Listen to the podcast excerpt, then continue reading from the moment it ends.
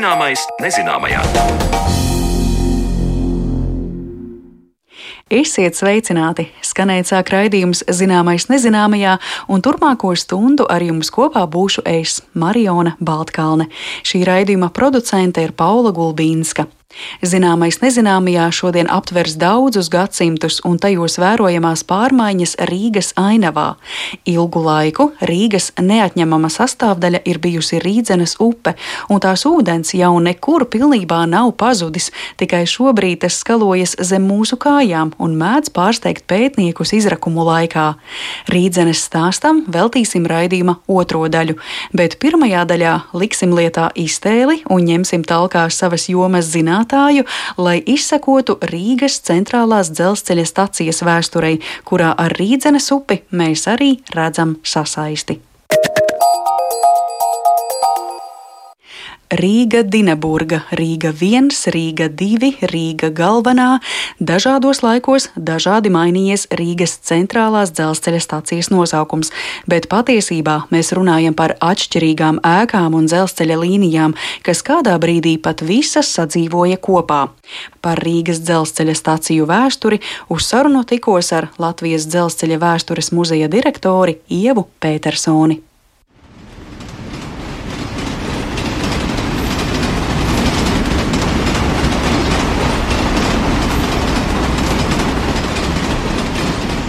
Mūsdienās ar datorgrafikas palīdzību visai vienkārši varam kādu vietu padarīt apskatāmu senākos laikos. Pēkšņi kaut kas ainavā pazūd vai parādās, un jūs no viena gadsimta pārceļaties uz citu. Ja runājam par Rīgas centrālās dzelzceļa stacijas ainavu, tad mūsu stāstā turpmākajās minūtēs šī ainava mainīsies vairāk kārt, un izmaiņas neskars tikai vienu ēku, runa būs par plašāku teritoriju. Tagad aizveriet acis un iztēlojieties, jūs stāvat 13. janvāra ielas pieturā un gaidāt kādu no daudzajiem autobusiem, kas tur piestāja, lai dotos pārdaugavas virzienā. Acu priekšā ir platā 13. janvāra iela, aiz muguras vecerīga. Pagriežot galvu pa kreisi, top samanāmas centrālās dzelzceļa stācijas aprises, ko ieskauj kino, teātris un lielveikali, bet veroties pa labi redzams dzelzceļa tilts. Bet zem jūsu kājām senāk tecējusi gan Rīdzenes upe, gan bijušas vēl citas stācijas ēkas Rīgā. Tad nu iegrimsim šajā stāstā, kur detaļas palīdzēs saprast Latvijas dzelzceļa vēstures muzeja direktore Ieva Petersone. Dzelzceļš Rīgas pilsētā ienāk 19. Um, gadsimta 50. gadu beigās, un Rīgas pirmā dzelzceļa stacija sāk darbu oficiālu pasažieru pieņemšanu 1861. gadā, kad atklāja Rīgas Dienburgas dzelzceļu. Bet pašu staciju un stacijas uh, šo visu laukumu sāk izbūvēt jau no 1858. gada, un tas, uh, manuprāt, diezgan veiksmīgi sakrīt arī ar Rīgas pilsētas uh, straujajām pārmaiņām, tātad ar nocietinājumu sistēmas nojaukšanu. Līdz ar to jau nu, gan Felsko plānos, gan arī citu arhitektu plānos, kas domāja, kā tad izskatīsies jaunā Rīga, modernā Rīga tam laikam, tad arī šī tagadējās Rīgas centrālās stacijas vieta ir iezīmēta, un mēs varam saskatīt tās aprises šajos arhitektu plānos. Senākā Rīgas stacijas ēka ir attīstījusies vairākos etapos. Jā. Tad sākumā tā ir nu, salīdzinoši neliela divstāva ēka, tad Rīgas pilsētai augot dzelzceļa pārvadājumiem, augot, šī stacija tiek paplašināta, viņai piebūvē divus spārnus. Un interesanti ir tas, ka šī stacija ir tā saucamā strupceļa stacija. Tātad visi vilcieni, kas pienāca no toreizējās Dienaburgas, tagad Daugavpils, ja, tad viņi kā, ienāca pie Rīgas stacijas ēkas. Stacijas ēkas vienā pusē ir laukums, un otrā pusē ir eh, nelieli sekti peroni. Ja, tad iebraucam, varbūt nu, filmās esam redzējuši kaut kur citur pasaulē, kad iebraucam tādām nojumēm. Tātad šāda nojuma arī bija uh, Rīgas Dienaburgas dzelzceļam. Bet blakus stacijas ēkai uz tagadējo Marijas ielas pusi, tad līdz faktiski Marijas ielai bija vesels dzelzceļa kvartāls. Ja, tur bija gan remonta darbnīcas, gan depo, gan bagāžas pieņemšanas, nodošanas vieta. Ja, tad, nu, dzelzceļa stacija mūsu izpratnē varbūt ir tikai vieta, kur mēs atnākam, gaidām vilcienu tilts ienopērkam biļeti perons, ja, bet tā ir daudz plašāka. Ja. Kad padomju okupācijas vara realizēja jaunās dzelzceļa stacijas celtniecību, tad sākotnēji pirmajā kārtā stacijas ēkas daļa tika uzbūvēta nojaucot šīs nojumes, bet pati vecā ēka 50. gadu beigās vēl stāvēja kā dzīva un 60. gadā. Bet nu, mēs neesam līdz galam izpētījuši, ja tāda leģenda stāsta, ka tomēr būvniecības procesā tā ēka tika bojāta, un tāpēc pieņēma lēmumu viņu nojaukt. Un, ja mēs skatāmies tagad, tur, kur mums ir Gogoļa ielas pārvads, tad nu, tā perpendikulāri viņam stāv tāda nu, faktiski betona kaste, ja, kas tika piebūvēta klāt vecās Rīgas dzelzceļa stacijas vietā. Šis ir varbūt pats jaunākais attēls. Tie ir visdrīzāk tātad mums 60. gadu sākums, kad mēs vēl redzam, 13. janvāra iela jau ir pārbūvēta, uzbūvēta plata. Nu, tas, ko mēs saucam par mūsdienu izvietojumu, tad mēs redzam šo Rīgas Dienaburgas dzelzceļa staciju. Aiz viņas jau ir stacijas pulkstenis, jaunais stacijas korpus, kas ir maz nojaušams, un arī palielinātais sliežu ceļu skaits skaits augšējā līmenī, kas nāk no dzelzceļa tilta.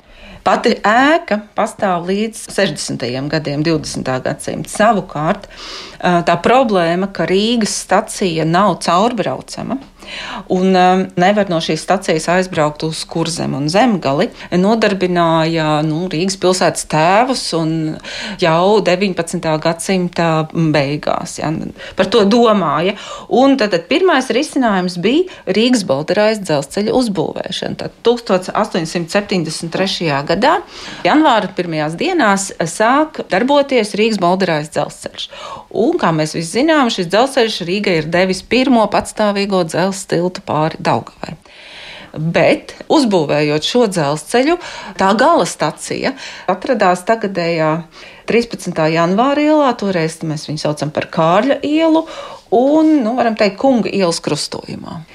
Rīgas centrālajā šajā daļā, mūsdienās centrālajā daļā, tajā brīdī mums ir vecpilsēta vienā pusē, Maskavas foršta otrā pusē, ienāk dzelzceļa tilta uzbērums, kas iet pāri nu, Maskavas ielas un Kungu ielai, un ir uzbērums, ja, kas beidzās, protams, ar nobrauktuvi, jo pa šo tiltu brauc arī pajūgi, un tur ir sava atsevišķa tā saucamā Bolderājas dzelzceļa stacija.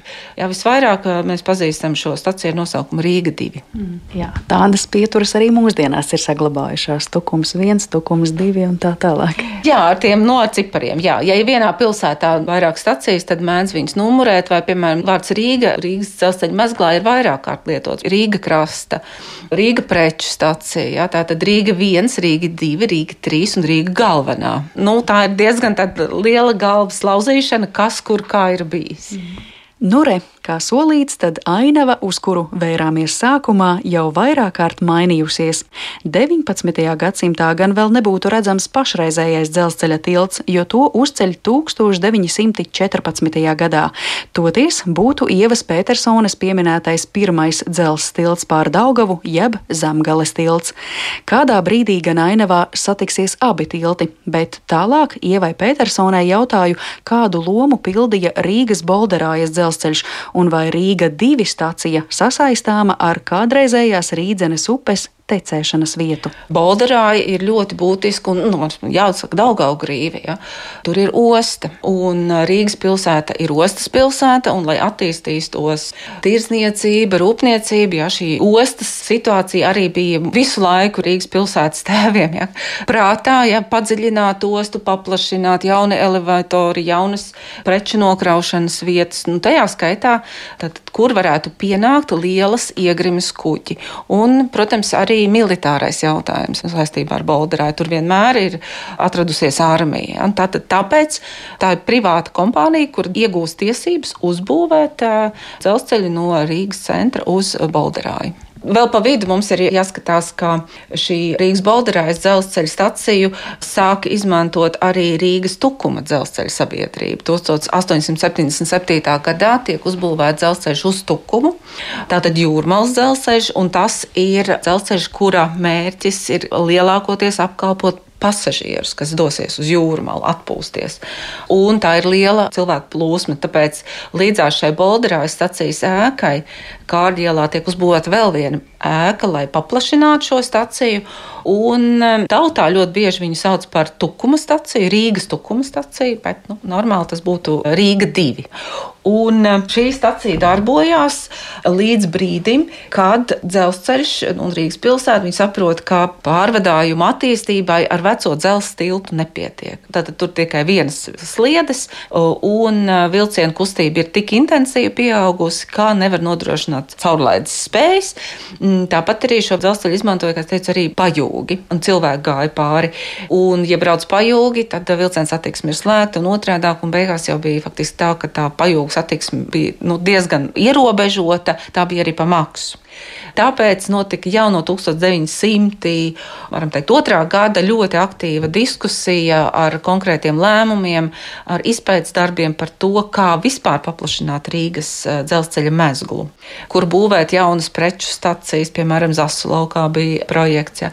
Un tā skaitā būvēt vai nebūvēt jaunu dzelzceļa tiltu vai pārbūvēt esošo. Tik pieņemts lēmums blakus esošajam dzelzceļa tiltam būvēt jaunu dzelzceļa tiltu. Tā ir tā dzelzceļa tilta vieta un tas uzbērums, ko mēs šodien saprotam. Tātad starp Maskavas Forštatu un Vecrīgu tagad jau ir divi uzbērumi. Un šis jaunais uzbērums tiek veidots tā, lai viņš ieiet blakus vecajai Rīgas dzelzceļa stacijai. Šī Rīgas Dienaburgas stacijai tātad ir pārvads pāri Goguļielai. Un uh, šie augšējie sliežu ceļi tiek izveidoti blakus esošajiem tai strupceļa stacijai. Tātad no nu, Dienaburgas virziena, piemēram, var pienākt uh, ielas līmenī vilcieni, bet uh, var pienākt arī augšējā līmenī. Un, ja šie vilcieni iet tālāk uz pārdaugaus pusi vai nāk no Jālgavas, no Tukuma, tad viņi pa šo uzbērumu iebrauc jau Rīgas stacijā. Un, ja apakšējā stacija ir Rīga viens, tad augšējā ir Rīga galvenā. Un Kārļa ielas stacija faktiski līdz ar to zaudē savu nozīmi. Faktiski tātad jūrmālas vilcieni sāk pienākt pirms Pirmā pasaules kara. Viņi sāk pienākt Rīgas, mūsdienās Rīgas centrālajā stacijā. Augšējie peroni, kas mums tagad ir, jau visiem zinām, tā, to sauc par Rīgu galveno. Un apakšējie bija Rīga viens. Mm. Un tad kas beigu beigās notiek ar šo Rīga bolderāja un Rīga tukums daļu, cik ilgi tas vēl saglabājas? Tātad Pirmais pasaules karš situācija ļoti izmaina. Mēs zinām, ka krastmala arī daudz cieš. Un nu, tās ēkas, ja mēs skatāmies jau 30. gadu attēlu, piemēram, šis ir 38. gads, skats uz tagadējo 13. janvāra ielu, tad tur, kur mums šobrīd plūst automašīnu straume, mums ir tā saucamā nu, vecā dzelzceļa tilta pārbūvētāja, tajā laikā dēvētā zemgāles tilta braucamā daļa, kas lēnām, nu, tātad līganā gaitā nonāk lejā uz Kāļa kunga ielas to pārvadu. Un eh, tad te mēs redzam tādus eh, nu, kaut kādus būvgrūžus vēl un tā, nu, tad šie visdrīzāk ir šo ēku veco tukumu Bolderājas dzelzceļa staciju ēku kaut kādu pamatu bijuši. Viņi tiek nojaukti. Bet pašas sēkas ir bijušas diezgan lielas. Tad divas sēkas, par kurām mēs runājam, Lai gan pasažieri vispār sūdzējās, šī bija ļoti liela nērtība. Kad pasažieris, piemēram, atbrauc no jūrmālas, ja viņam jābrauc kaut kur tālāk, uz, piemēram, valku vai cēsīm, ja, tad viņam ir jākāpj ārā, viņam ir jāiet.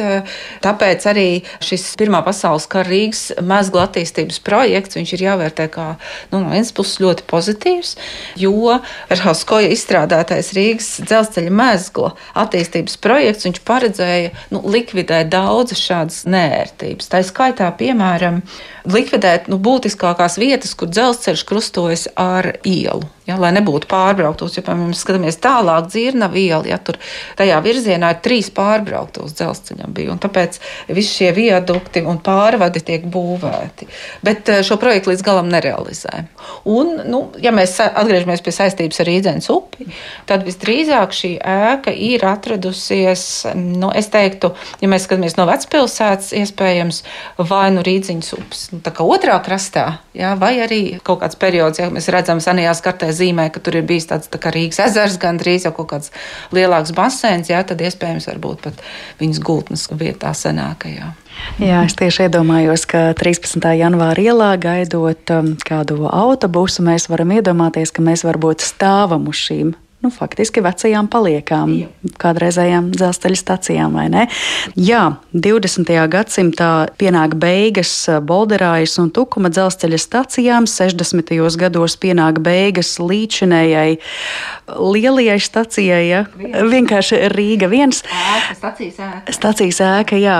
Tad sanāk 60. gados tas viss tiek kā tāda centrālā dzelzceļa stacija uzbūvēts pilnībā no jauna vai kaut kas tomēr tiek saglabāts? Nu, principā netiek saglabāts, mm. bet stacijas ēkas tagadēji apsaimniekotāji e, mums ir parādījuši dažas sienas no šīs vecās Rīgas Dienaburgas dzelzceļa ēkas, kas ir saglabājusies. Jā, tur redzams vēl tādas ārkas, un arī dzan ir saglabājušās trepes, tuneļi no tā, ko būvēja pirms Pirmā pasaules kara paplašinot, jā, tad būvējot šo jauno dzelzceļa tiltu un būvējot šos augšējos vietējos sliežu ceļus. Ja, tur ir tādas zināmas vēstures liecības. Ja, mēs teicām, mēs vēl aizvien uz augšējiem peroniem kāpjam pa 19. gadsimta nu, faktiski konstrukcijām. Goguļielas pārvads, ja pats par sevi, ja dzirnavielas pārvad, tie jau visi ir vēl aizvien no tā laika. Nu, protams, šobrīd pārdzīvo jaunas pārmaiņas. Ieves vēl iedomājos tādu lietu, mēs taču daudz varam arī filmās redzēt šos stāstus, ka no Rīgas ir iespējams doties uz Berlīni, uz Parīzi, kurā brīdī šī iespēja parādās un no kuras no šīm dzelzceļa stacijām? Līdz Latvijas neatkarības nodibināšanai no Rīga 2. Tātad, uh... Jā. Tukuma stācijas. Tiešām, jā? Jā, bet eh, jāsaprot, ka tajā laikā tas bija tāds brauciens ar pārsēšanos, mm. jo nebija Eiropas dzelzceļa platums liedas mums Latvijas teritorijā. Un arī no Rīga viens Daugavpils virzienā, tad Daugavpilī Dineburgā toreiz iekāpa Pēterburgas Varšavas eh, vilcienā un tālāk varēja braukt uz Eiropu. Tā kā tie ceļi ir dažādi, tur, kur iet sliedz, kaut kā jau var sakombinēt. Bet, ja mēs runājam par tiešo bezpārsēšanās satiksmi no Rīgas centrālās tagadējās stacijas uz Rietumu Eiropu, tad eh, tas ir jau Latvijas neatkarības laiks, tad no centrālās stacijas, jā, jo posms eh, no Rīgas līdz Jelgavai, eh, tad Eiropas platums tika faktiski saglabāts un iebūvēts uz Rīgas centrālo staciju, jo Vācu armijas okupētajā kurzem zemgals teritorijā, protams, ka viņi pārbūvēja dzelzceļus Eiropas platumā saviem vagoniem, savā savām lokomotīvēm. Meitenes Jālgavas līnija, viņi uzreiz tiek būvēta kā Eiropas dzelzceļa platums, un tālāk no Jālgavas uz Rīgu jau ir Eiropas lietas. Un, uh, tad līdz pat 40. gadam un vēl mazliet dažus uh, vācu okupācijas laika gadus varēja braukt uz Eiropu. Jā.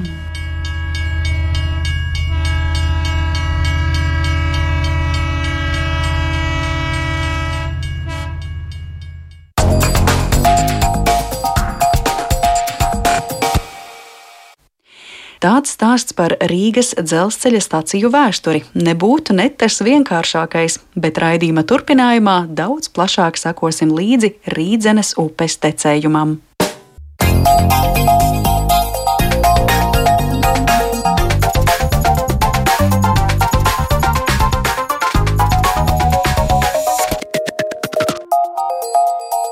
Zināmais nezināmajā. Zem vecrīgas senajām ielām reiz skalojās Rīdzenes upe. Tagad tās gultne ir dziļi zem bruģa un apslēptas palikušas arī liecības par senākajiem rīdziniekiem. Ko zinām par šo upi un tās krastos dzīvojušajiem, un ko izdevies atklāt vecrīgas arheoloģiskajos izrakumos, vai rīdziņa vēl aizvien burbuļo zem vecrīgas namiem. To šodien jautāšu mūsu raidījuma turpinājumā, un studijā sveicu mūsu viesi - arheologu, vēstures doktoru doktoru Artūru Thompsonu. Labdien! Sveicināti! Jā, Artur, nu tad sanāk, ka mums ir tagad eh, jāuzbūr tāda nelielā aina ar Rīgu un arī Vecrīgu, lai saprastu, kur tad agrāk tecēja rīdzene. Mēs parasti rīdzeni sasaistām jā ar Vecrīgu, bet es gribētu saprast, vai tikai Vecrīgas mazās šaurās ieliņas ir stāsts par rīdzenes agrāko tecējumu. Jā, šeit mēs redzam, cik uh, būtiska jau pašā sākumā ir uh, sasaistes starp dažādām zinātņu nozarēm. Tas ir jautājums, protams, daļai arheologam, bet, nu, protams, arī geologam, kas attiecas uz pašu vecrīgas daļu, kādreizējo rīdziņas, jeb rīdzenes sākotnēji upes tecējumu mēs varam izsekot, paskatoties vienkārši vecrīgas plānā un sameklējot kalēju ielu, -hmm. kas veido tādu pusloku apkārt vecrīgas senākajai daļai, un tad aiziet praktiski paralēli 13. janvāra ielai un pievienojas Daugavai. 17. gadsimtā izauga arī pilsētas vaļņi, un, ap kuriem tiek izrakts pilsētas kanāls. Daudzi ļaudis varbūt kļūdaini saist šo ūdens tilpni ar rīdziņu upi. Tā īsti nav. Rīdzenes vēlāk, rīdziņas upe, kad viņi kļuva mazāk, viņi sāk saukt šādā pamazināmā vārdā. Sākotnēji ir bijusi aptuveni 10 km gara ūdens tilpne. Vislabāk mēs to varam arheoloģiski teikt, noķert pētījumos vecrīgā, zem māju pagrabiem, zem ielām, dažādos geoloģiskos urbumos, kad tiek veikta priekšizpēte, īpaši arī nu, sakarā ar dzelzceļa lielajiem būvdarbiem, tagad gar 13. janvāra ielu. Sākotnēji, tur, kur atradās Rīdziņas upes ietaka Daugavā, viņa ir bijusi platāka. To bieži vien sauc par šo seno Rīgas ostas vietu. Bet atkal būs referents uz geologiem. Izskatās, ka šī upīte ir tecējusi daļai savā lejas daļā pa kādu senu Daugavas vecupi pastāv šāds uzskats, ka šis sākotnējais reliefs šai vietā ir daudz, daudz senāks kā šī upīte, kas pazūd no kartējuma 18. 19. gadsimtā. Vecupe tas sanāk kāda kādreizējā Daugavas daļa, jā, kas vairs nav jā, Daugavas to daļa. To mēs varam labi redzēt Daugaugrīvā, buļļu pusē, kur ir šīs attekas jeb vecupes, jā, pie Daugavas ietekas jūrā. Bet es tagad mēģinu iztēloties to upes tecējumu. Jūs minējāt 13. Eh, janvāra ielu sasaisti ar Kalēju ielu. Kalēju iela nu, tā ir eh, viena no centrālajām ielām, kas vies cauri vecrīgai. Tas Rīdzenes upes tecējums ir bijis tāds taisns, vai tas tomēr ir vijies no Kalēju ielas, varbūt ieplūdis vēl kādā ielā, tad atpakaļ uz Kalēju ielu un tad līdz 13. janvāra ielai? Paiesim pretī straumei, sākot no Daugavas, kur mums ir uh, bijusi šī ieteka, jeb nu, kā dažkārt literatūrā sauc Rīdzenes ezers, jo tā vieta ir tiešām izteikti plata bijusi. Pagriežoties, kur ir Vaļņu ielas stūris. Tur jau mums ir bijis Rīdzenes upes kreisais krasts, tur, kur klubs depo bijušais. Nu jau, tur ir jau otrs krasts. Jā, tā upe kļūst ļoti šaura jau šai vietā, jo tas bija viens no retajiem gadījumiem 38. un 39. gada izrakumos, kad bija atsekts upes tecējums pilnā platumā sakarā ar armijas ekonomiskā veikala būvdarbiem. Pēc tam sanāca 2009. gadā, kad tika atkārtoti pētīts šis gruntsgabals, nu, tie mazie neizpētītie gabaliņi apkārt viņam. Lūk, un, tur var redzēt, ka šis upes platums ir nu, aptuveni sākotnēji 55 metri. 4 līdz 5 metri dziļš. Pirmie krasti viens no otra ir bijuši jau apmēram 50 metru tālu viens no otra. Nākamais krasts, kad jau upe bija daļēji jau tāda aizsērējusi, jau ir 47 metri viens no otra. Nu, un tā tālāk. Un ik pa nepilnam gadsimtam tiek uzbūvēts jauns krasts lai nostiprinātu šo visu grunts masu, kas tiek samests tur iekšā, jo tādu getliņu toreiz nav. Upīte, diemžēl, kalpo par atkritumu izgāstuvi, par ko šie rādskungi izsaka rūpes jau 14. un 15. gadsimtā, kad ir problēmas. Un uh, upīte pamazām sašaurinās. Un, um, līdz pat 1770. gadiem, kad tā sāk tikt aizbērta pilnībā. Bet turpinot jautājumu par šo te tecējumu, šeit mēs pagriežamies tātad, uh, no depo. Jā, no depo galerijas centra virzienā, ejam pa kalēju ielu, ejam līdz līvu laukumam un tad pie kaķu mājas, pie kaķu nama griežamies izglītības un zinātnes ministrijas virzienā un ejam esplanādas virzienā. Tur ir atradies tā saucamais senais kalns, Monsantīkus, ko piemin jau Indriča Kronika. Kad kurši vajā vendus, ja, kas tiek padzīti no vējas leiteces, kas uz laiku ir atraduši patvērumu senajā kalnā, kas acīm redzot ir bijis kā nocietinātu dzīvesvietu kādu brīdi paralēli Vācu pirmajai kolonijai. Un tad upīte aiziet Valdemāra ielas virzienā, kur viņa jau ir pavisam, pavisam šaura. Un tur šo tecējumu izsekot jau ir pietiekami grūti. Bet vēl 17. gadsimta pilsētas plānos viņa tiek zīmēta kā diezgan plata, dīķveidīgs tāds veidojums, kur jau ir izauguši vaļņi, jaunais pilsētas aizsargāvis, kanāls tagadējis, kas no viņa palicis, jau ir uzbūvēta citadele. Gar viņu ir tāds apendiks, palicis arī tāds L veida, kas turpinās mūsdienu Valdemāra ielas virzienā. Tas ir krietni garāks maršruts nekā es vispār pirms tam biju iedomājusies. Un iespējams, daudzi cilvēki jā, primāri to tecējumu sasaista tikai ar vecrīgu. Tad sanāk, izteka ir bijusi kaut kur mūsdienu Valdemāra ielas rajonā, Valdemāra ielas sākumā. Tā varētu būt. Es iedomājos mākslas muzeju, aizsardzības ministriju. Tālāk, es domāju. Tālāk, jā. Bet nu, kā maziņš strautiņš praktiski mm. sākotnēji. Mm. Jā, jau ir nu, ziņas no rakstītajiem avotiem, ka jau 14. gadsimtā abi krasti jau ir nostiprināti vismaz vecrīgas daļā. Tur ir rīkojumi par ozola baļķu pirkšanu, pāļu dzīšanu, jo nu, šāds upītes krastu nostiprināšana viduslaiku pilsētai, kurai bija nu, šī teritorija samērā maza, deva tomēr papildus teritoriju. Plus mazliet pasargāja arī nu, pavasara palos no kaut vai pilsētas aizsargu mūra pamatu izskalošanas. Jo šie ledī arī salauza bieži vien šos krastus koku stiprinājumus, un tos bija jāatjauno. Vēl atgriežoties pie tiem izmēriem, tad 55 metri tas ir tas, kas avotos parādās kā visplatākais rādītājs attiecībā uz Rīdzenes upi. Jā? Uh, jā, kur jau mēs varam runāt par pašu upi, nevis šo grīvas deltas daļu, kur viņi kļūst par tādu milzīgu ezeru savu veidu. Jā, tas jau ir pie šī līkuma uz galerijas centra pusi. Mm. Lielās artērijas, Aspazijas bulvāris, ceļš gar prezidenta pili, tur arī kaut kā rīdzenē ir ieplūdusi ar kādām attakām. Negluži. Negluži. Tur ir pils grāvis aizbērtais zem pils laukuma. Ir, protams, citadēls cietokšņa arheoloģiskās paliekas, kas ir zem mūsdienu ietves līmeņa. Nu, par šo sākotnējo citadēles plānojumu var spriest pēc tikai dažām saglabājušamies noliktavēkām, kur var salīdzināt vecos plānus un mūsdienu pilsētas plānus. Citadēles vaļņus noraka pašus pēdējos, un nu, cilvēki varbūt prātos ir mazliet tāda neizpratne, nu, ka ja ūdens ir, nu, tad varbūt tam ir kaut kāda saistība. Nu, tā īsti nav šai gadījumā. Mm. Par šīs upes nozīmi tā laika rīdziniekiem Tiem upe visai plata, pietiekami arī gara. Ūdens tā ir kuģošana, tā ir osta, tie ir ūdens resursi pilsētniekiem. Kā jūs raksturot rīdzenes nozīmi? Nepārvērtējama nozīme. Jebkura dzīves vieta, jebkura senā apmetne veidojas tur, kur ir dzeramais ūdens.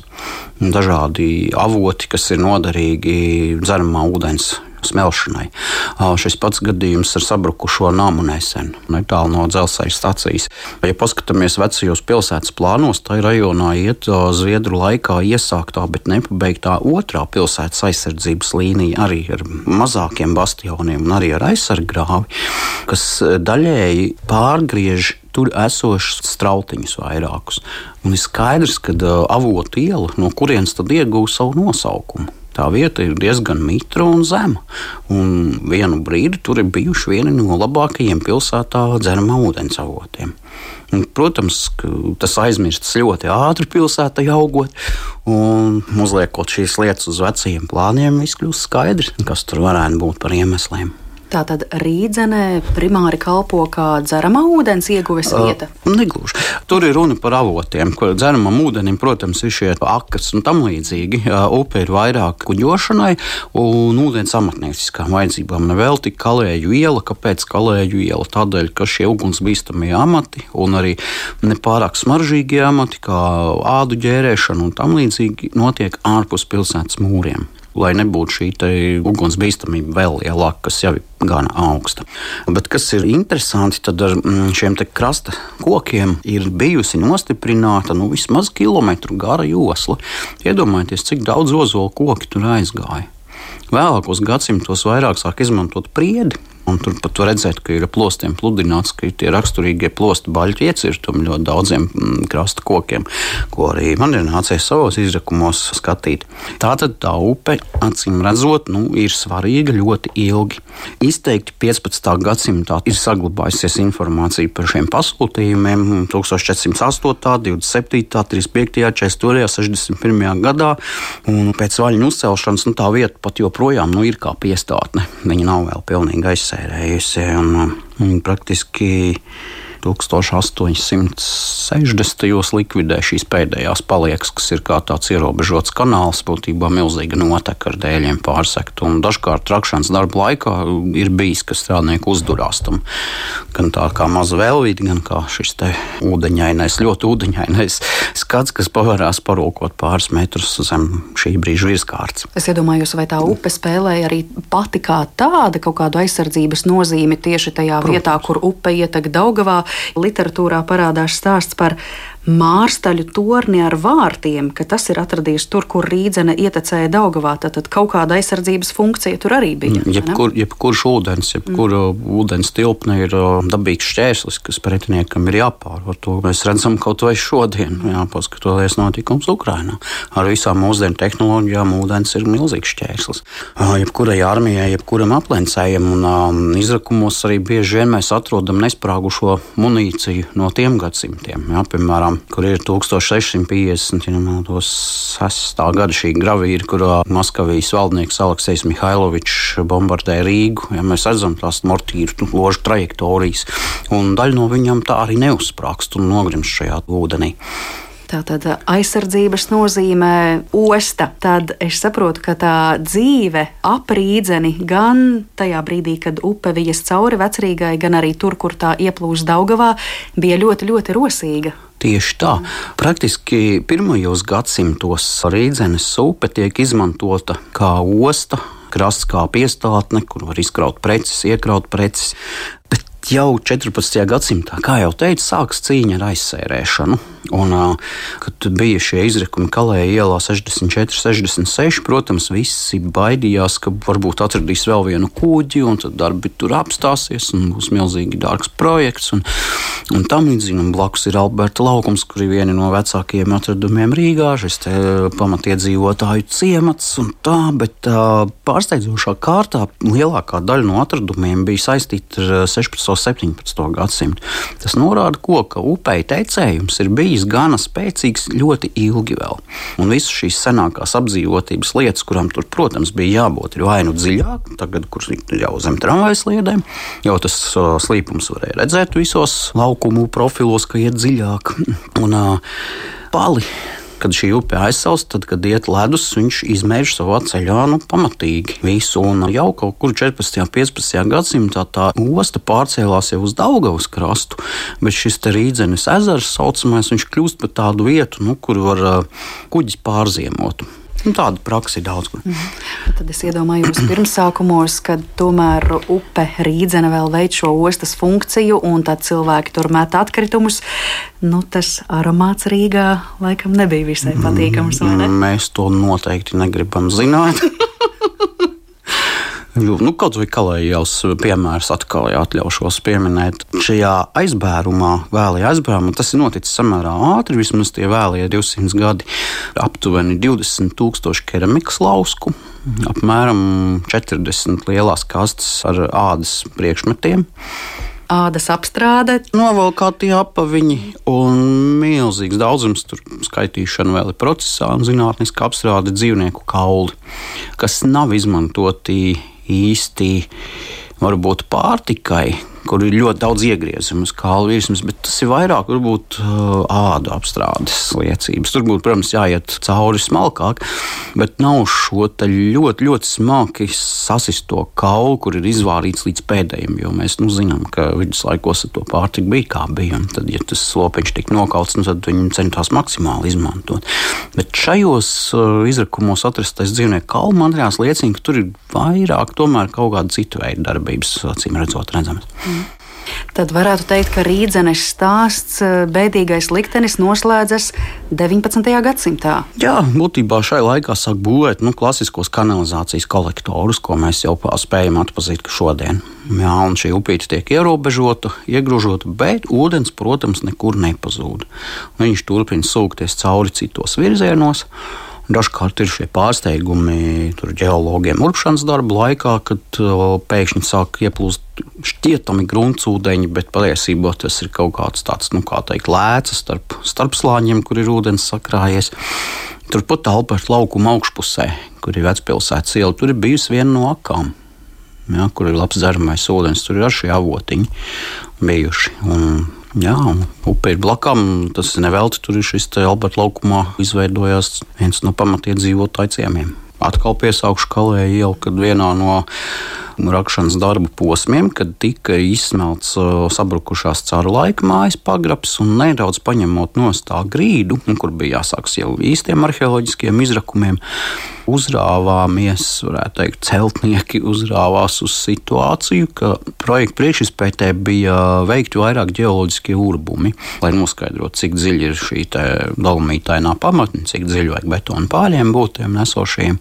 Un vienā no urbumiem kaut kāda ķibele bija bijusi, un tas nebija aiztaisīts īsti līdz galam. Vai nu tur bija urbi gals nolūzis vai kaut kas tāds, un pusstundas laikā šis izpētītais laukums pieplūda ar skaidru, dzīdru, lielisku ūdentiņu. Un mums viens no 16. gadsimta krasta kokiem sāka tur dreifēt pa izrakumu laukumu riņķi. Redz, kā tad ūdens joprojām nekur nav pazudis. Tad, ja mēs šobrīd ejam cauri vecrīgai, cik dziļi zem mūsu kājām tā upītes gultne ir, cik tur metri ir zem tā oh, kultūras lāņa? Mēs varam paskatīties lidarā vecīgas lidera kartē, kur ir uh, reliefa izmaiņas. Mēs labi redzēsim, kur, protams, ir šie auguri bijuši un kur ir zemākās vietas. Un, attiecīgi, tad parēķinot.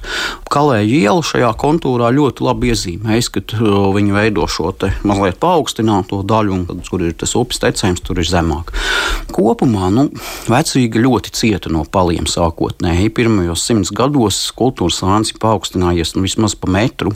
To es redzēju 2008. gada Rīgas pilsētas pagalma izrakumos, kur ir tā tāda kārtaina kūka. Tas pirmais metrs ir apdzīvotības, pelns melns slānīts, 20 centimetri saskalojums. Melns, melns apdzīvotības slānīts saskalojums. Ja, un uh, iedzīvotāji, protams, no tā cieta un mēģināja šos ūdeņus kaut kā ierobežot. Bet tas ir vismaz metrs zem mūsu kājām, vai vēl vairāk varētu būt? Tas ir, protams, kā kurā vietā rok, bet uh, ir atsevišķas vietas, kur jau es teicu, ir šīs ieslēguma lēcas kas ir starp slāņiem, vienkārši uzkrājas ūdens, kas varbūt mainās sezonāli. Bet uh, nu, seklākais ir nu, tā pašā 13. janvāra ielā, nu, pie pusotra, diviem metriem jau slapjš paliek. Ja. Mm. Un es iedomājos, ja mēs ietu tālāk tajā virzienā, ko jūs sākumā minējāt, izglītības ministrijā, tur ir vēl brīvības pieminekļa laukums Valdemāra iela, tur jau droši vien aina veidojas citāda, vai ne? Tur ir galu galā lielās, platās ielas, automašīnas. Mm. Nu, tur, attiecīgi, protams, šī upīte bija šaurāka. Jā, bet tas nenozīmē, ka šajos senajos pārpurvotajos krastos tur mitrums ir kaut kur pazudis. Savulaik, kad kolēģi uzraudzīja darbus pie zinātnes izglītības ministrijas, tur vispār tāda cilvēka apdzīvotība droši netika konstatēta, bet ļoti tāds izteikti mitrs, mitra grunts un tādi vairāk dabīgi veidojušies saskalojumi.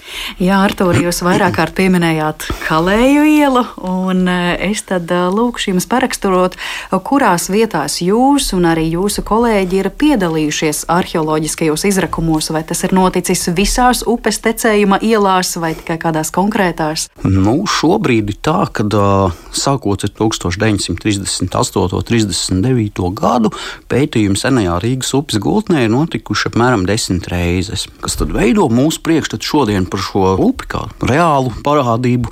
1936. un 1937. gadā vecrīgā sākās darbi pie četrām lielām sabiedriskām mēkām, un divas no viņām bija uz Rīdzenes upes. Armijas ekonomiskais veikals un pasta krājkase, un abās vietās atrada pa kuģim. Pirmais ir diemžēl zudis, otrais arī diemžēl cieta otrā pasaules kara laikā, 41. gada vecrīgas ugunsgrēkā, bet nu, šīs detaļas ir Rīgas vēstures un kuģniecības muzejā joprojām apskatāmas. Un tad ir bijuši tādi, protams, padomju laikā Nu, viens no tādiem lielākajiem bija, kuri tagadējas meža dienas, 1970. gada izrakuma Andra Caunas vadībā, kur arī atsedz vairākas šīs senās krasta līnijas. Tad 58, 61, 71, Minsterējas iela un vairāk tā kā leitece. Ja? 89. gads, nu, tad ir vairākās vietās tur atkārtot tās izpētes, tā kā pieķerot klāt kādu nelielu gabaliņu, varbūt klāt, piemēram, nu, 2016. gadā, kur atkārtot atraka Mārstaļu torni un plus vēl piepētīja pie 2000 km2 klāt, kur arī bija divas uh, senākās krasta līnijas, ko var nodatēt ar uh, pat 1236. gadu un 1291. gadu. Tā pirmā ir bijusi kaut kur 5 līdz 8 no pilsētas mūra un jaunākā nu, kaut kur jau gandrīz 8 metri. Tā kā redzēt, kā šī upe arī tiek bērta ciet. Tad protams, 2005. gads galerijas centra piebūve Mārciņš Lūsēns. Droši vien arī jūs pats. Nu, protams, jā, man arī ir bijis šis gods nedaudz iedurt lāpstu senās rīdzenes aizbērumā. Tas sākās jau 2017. gadā ar priekšizpēti, ar pāļu betonēšanu. Pāļu, pāļus tagad urbi nevis iedzen, tā ka visi materiāls, kas nāk laukā, tiek pārbaudīts, ir arheoloģiskā uzraudzība tiek veikta.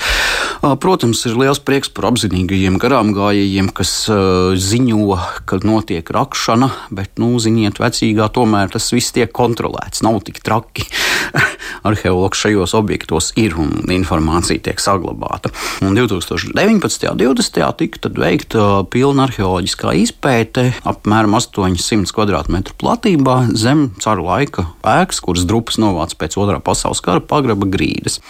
Un tur tika atsektas divas labi datētas vēlās krasta līnijas.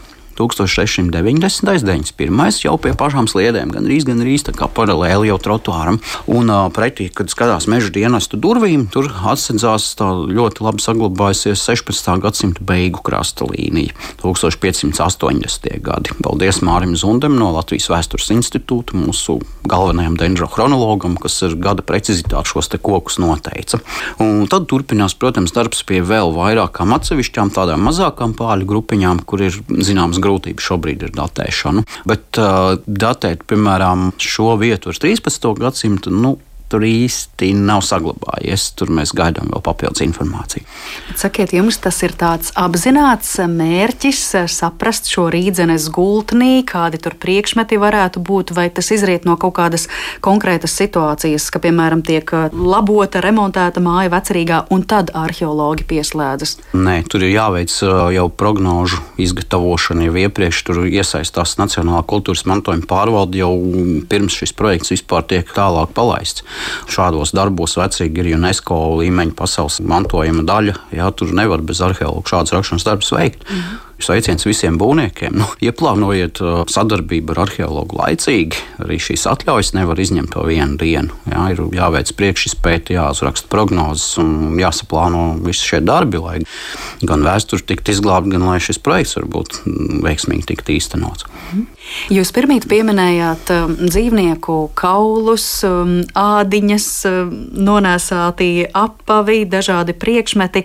Kas ir tas, ko jūs visvairāk esat atraduši, vai tā ir keramika vai šie pieminētie dzīvnieku kauli, un ko tas principā jums, kā arheologiem, pastāsta par cilvēku dzīvi Rīdzenes upes krastos? Nu, uzreiz nocitēšu kādu no dižgariem. Arheoloģija ir nevis tas, ko tu atrodi, bet tas, ko tu uzzini. Caur atradumiem. Nu, nevienmēr ir jau nedestruktīvās metodes, ja, georadars un tam līdzīgi magnetometrija. Varbūt nākotnē nebūs fiziski jāņem tā lāpsta vai ekskavators, mēs šo informāciju iegūsim citos veidos. Tādēļ mērķis nav izrakt visu. Mēģis ir uh, savākt informāciju, saprast, kas tur ir noticis, kas tur ir bijis, kas tas ir, cik tas ir vecs. Un, uh, ja ir iespēja nerakt ar šo metodi, kas izpost savu pētījumu objektu būtībā. Labāk to nedarīt. Tādēļ vienmēr, piemēram, nu, klasiskos izrakumos, kas nenotiek kā būvniecības procesa daļa, vienmēr tiek kāds gabaliņš atstāts nākamajām paudzēm. Mums ir tomēr jāsaprot, ka tas laika nogrieznis, ko mēs kā cilvēki savā mūžā redzam, ir gana neliels uz tā lielā procesa fona, pēc 20 gadiem būs pilnīgi cits skatījums uz daudz ko. Galvenais nav atrast, galvenais ir tas, ko tu saproti, ko jūs esat sapratuši par rīdzinieku dzīvi upes krastos. Droši vien tur tomēr tie atradumi ir kaut kādā mērā palīdzējuši, vai ne? Protams, protams šis aizbēruma pildījums jau rada ļoti izsmeļošu priekšstatu par kādu noteiktu laika nogriežņu materiālo kultūru. Jā, mēs redzam, kas ir bijis vienlaicīgi, kādas lietu kategorijas apritē. Tur varētu ļoti plaši, ļoti daudz runāt. Kaut vai, nu, piemēram, keramika Rīgā ir ļoti daudz importu. Piemēram, 2014. gadā veids pētījums Ludus pilī. Tur pamatā dominē vietējie trauki, un ja pat ir kāds uh, importa vai glazēts, tas jau ir liels prieks. Ja? Rīgā atrast šajā vēlajā slānī kaut ko vietēju, tas jau ir pārsteigums atkal. Ja? Pilnīgi pretēji. Nu, un, protams, tas, kas uh, saglabājas mitrā vidē. Šie organiskās dabas materiāli, kas uh, citur iznīkst. Jā, un, protams, koks, āda, audums, tekstils, dažādas sēklas, graudi. Mums, piemēram, grīķi 16. gadsimta jau slānī atrasti. Jā, un nu, šis darbs turpinās. Un tie kauli, tas pierāda, ka pilsētā arī aktīvi uzturējās dzīvnieki. Saprotiet, jau no laiku sākumā pilsēta ļoti strauji sāka augt. Jā, visi šie lielie geogrāfiskie atklājumi, viss, kas sākas ar jauniem laikiem, cilvēku skaits pieaug, pieprasījums pēc pārtikas pieaug. Praktiski nu, līdz 18. gadsimtam Rīga ir pat līdz 19. Rīga ir ļoti agrāra savā raksturā ir šie pilsētnieku sakņu dārzi, aizņem milzīgas platības uzreiz aiz vaļņiem. Tiek turēti lopi tepat pilsētā. Tādēļ viss šis kultūras slānis ļoti strauji aug un viņi mēģina tikt vaļā, ja aizbarot uh, zemākās vietas. Mhm. Un tā kā Rīga daudzos laikos ir bijusi iekāres objekts, citu tautu pārstāvjiem ir arī kaut kādas liecības varbūt par kara darbību, karošanu pagātnē, atradumos, es domāju. Jā, mums šīs ieroču atraduma liecības nav ļoti daudz, bet ir. Un no tādiem interesantākajiem ir vēlo viduslaiku kaujas cirvis ar pagarinātu kātu uzmavu un iekalumu asmenī. Tad ir vairākas arbaleta bultas, ļoti maz kaut kādas trīs vai četras tāda retāka kategorija poļu, ungāru tipa sabļas, vienasmens izliektā zobena šķērses, vairāki fragmenti, un turpat arī ādas maksts milzīgi platādas maksas saglabājusies. Un jauna tipa šāda veida zobena uzgalis, maksas uzgalis, kur viens pagarinājums ir garāks, otrs īsāks. Tātad nu, izliektais zobens ir bijis daudz atsevišķu bruņu plākšņu. Nu, 16. gadsimts joprojām ir, kur ir. Neskatoties uz ugunsieroču attīstību, tie, kas var atļauties lietot metāla bruņas, vēl 17. gadsimtā, protams, diezgan daudz, un ļoti daudz muskešu pistoļu ložu vēlajā aizbērumā. Samērā daudz sasprāgušo lielgabalu ložu fragmentu bet arī viengabali. Tur akmens lodes, mazās čugunu lodes. Nu, ja saprotat tā laika artērijas raksturu, kā šī šaušana notiek mm, ar uguns lodēm, ja, piemēram, jēga paznīcas griestos ir iemūrēta arī lode par piemiņu šim Aleksējam Mihailoviču uzbrukumam. Un uh, tieši zem šīs vietas, kur ir tā piemiņas lode, kas izrādās no koka, zemē atradās arī liels čugunu lodes fragments. Tā ka varbūt šai leģendai ir kaut kāds pamats. Nu, pilsēta tika apšaudīta no visām pusēm. Un uh, ieliekot šo uguns lodi lielgabalu stobrā, viņai tiek ielikts arī deglis, tiek aizdedzināts lielgabalam no rezgaļa Lodzi tiek izšauta, un, protams, 50% gadījumos tas deglīts nodziest, lidojot, un daļa vienkārši nu, sašķīst gabalos. Daudz kur izmantoja akmens lodes ļoti ilgi, jo tās vismaz nevar izšaut atpakaļ. Viņas ir trāpītas pret kaut ko cietu, viņas izšķīst stembās un ievaino tos, kas tur ir apkārt. Visai um, dārsti. Tur ir plašs materiāls uh, pētījumam. Jā. Tad noslēgumā Artūra, kā piemēram tādam nu, parastam cilvēkam, kurš dodas cauri Rīgai, vecrīgai, kā vislabāk šo rīdzeni un vēlāk rīdziņu sajust. Vienkārši sekojot līdzi jūsu minētajām ielu norādēm un ticēt, ka tos pāris metrus zem kājām tur ūdens joprojām ir, vai varbūt mēs patiešām kaut kur varam manīt kādu izskalotu bruģakmeni. Es ieteiktu sākt ar Rīgas vēstures un kuģniecības muzeja apmeklējumu iepazīties ar šiem atradumiem, vecajiem plāniem, apskatīt to, kas palicis no Rīgas kuģa. Šādu lietu mums nav daudz, tas ir kaut kas, ar ko būtu jālepojas. Un pēc tam jau iziet pastaigā pa vecrīgu, izsakot kalēju ielai līdz pulvertonim. To tad arī mūsu klausītājiem novēlam, aicinām pētīt vēstures liecības, doties uz muzejiem, un kāpēc gan kādā brīvā brīdī neizsekot Rīdzenes upei, pastaigā pa vecrīgu un arī pa citām ielām ārpus vecrīgas. Artur, liels paldies, ka jūs mums ļāvāt šodien izsekot Rīdzenes tecējumam. Atgādināšu, ka šodien zināmais nezināmajā studijā mēs satikāmies ar arheologu un vēstures doktoru Artūru Tomsonu. Ar to mūsu šīs dienas raidījums izskan. Par to parūpējās producente Paula Gulbīnska, par mūziku šai stundai gādāja Girts Bišs, skaņu režijā bija Nora Mitspapa un Mariona Baltkalne pie mikrofona. Lai jums ir patīkams šīs dienas turpinājums un uz sadzirdēšanos atkal citā brīdī. Visu labu!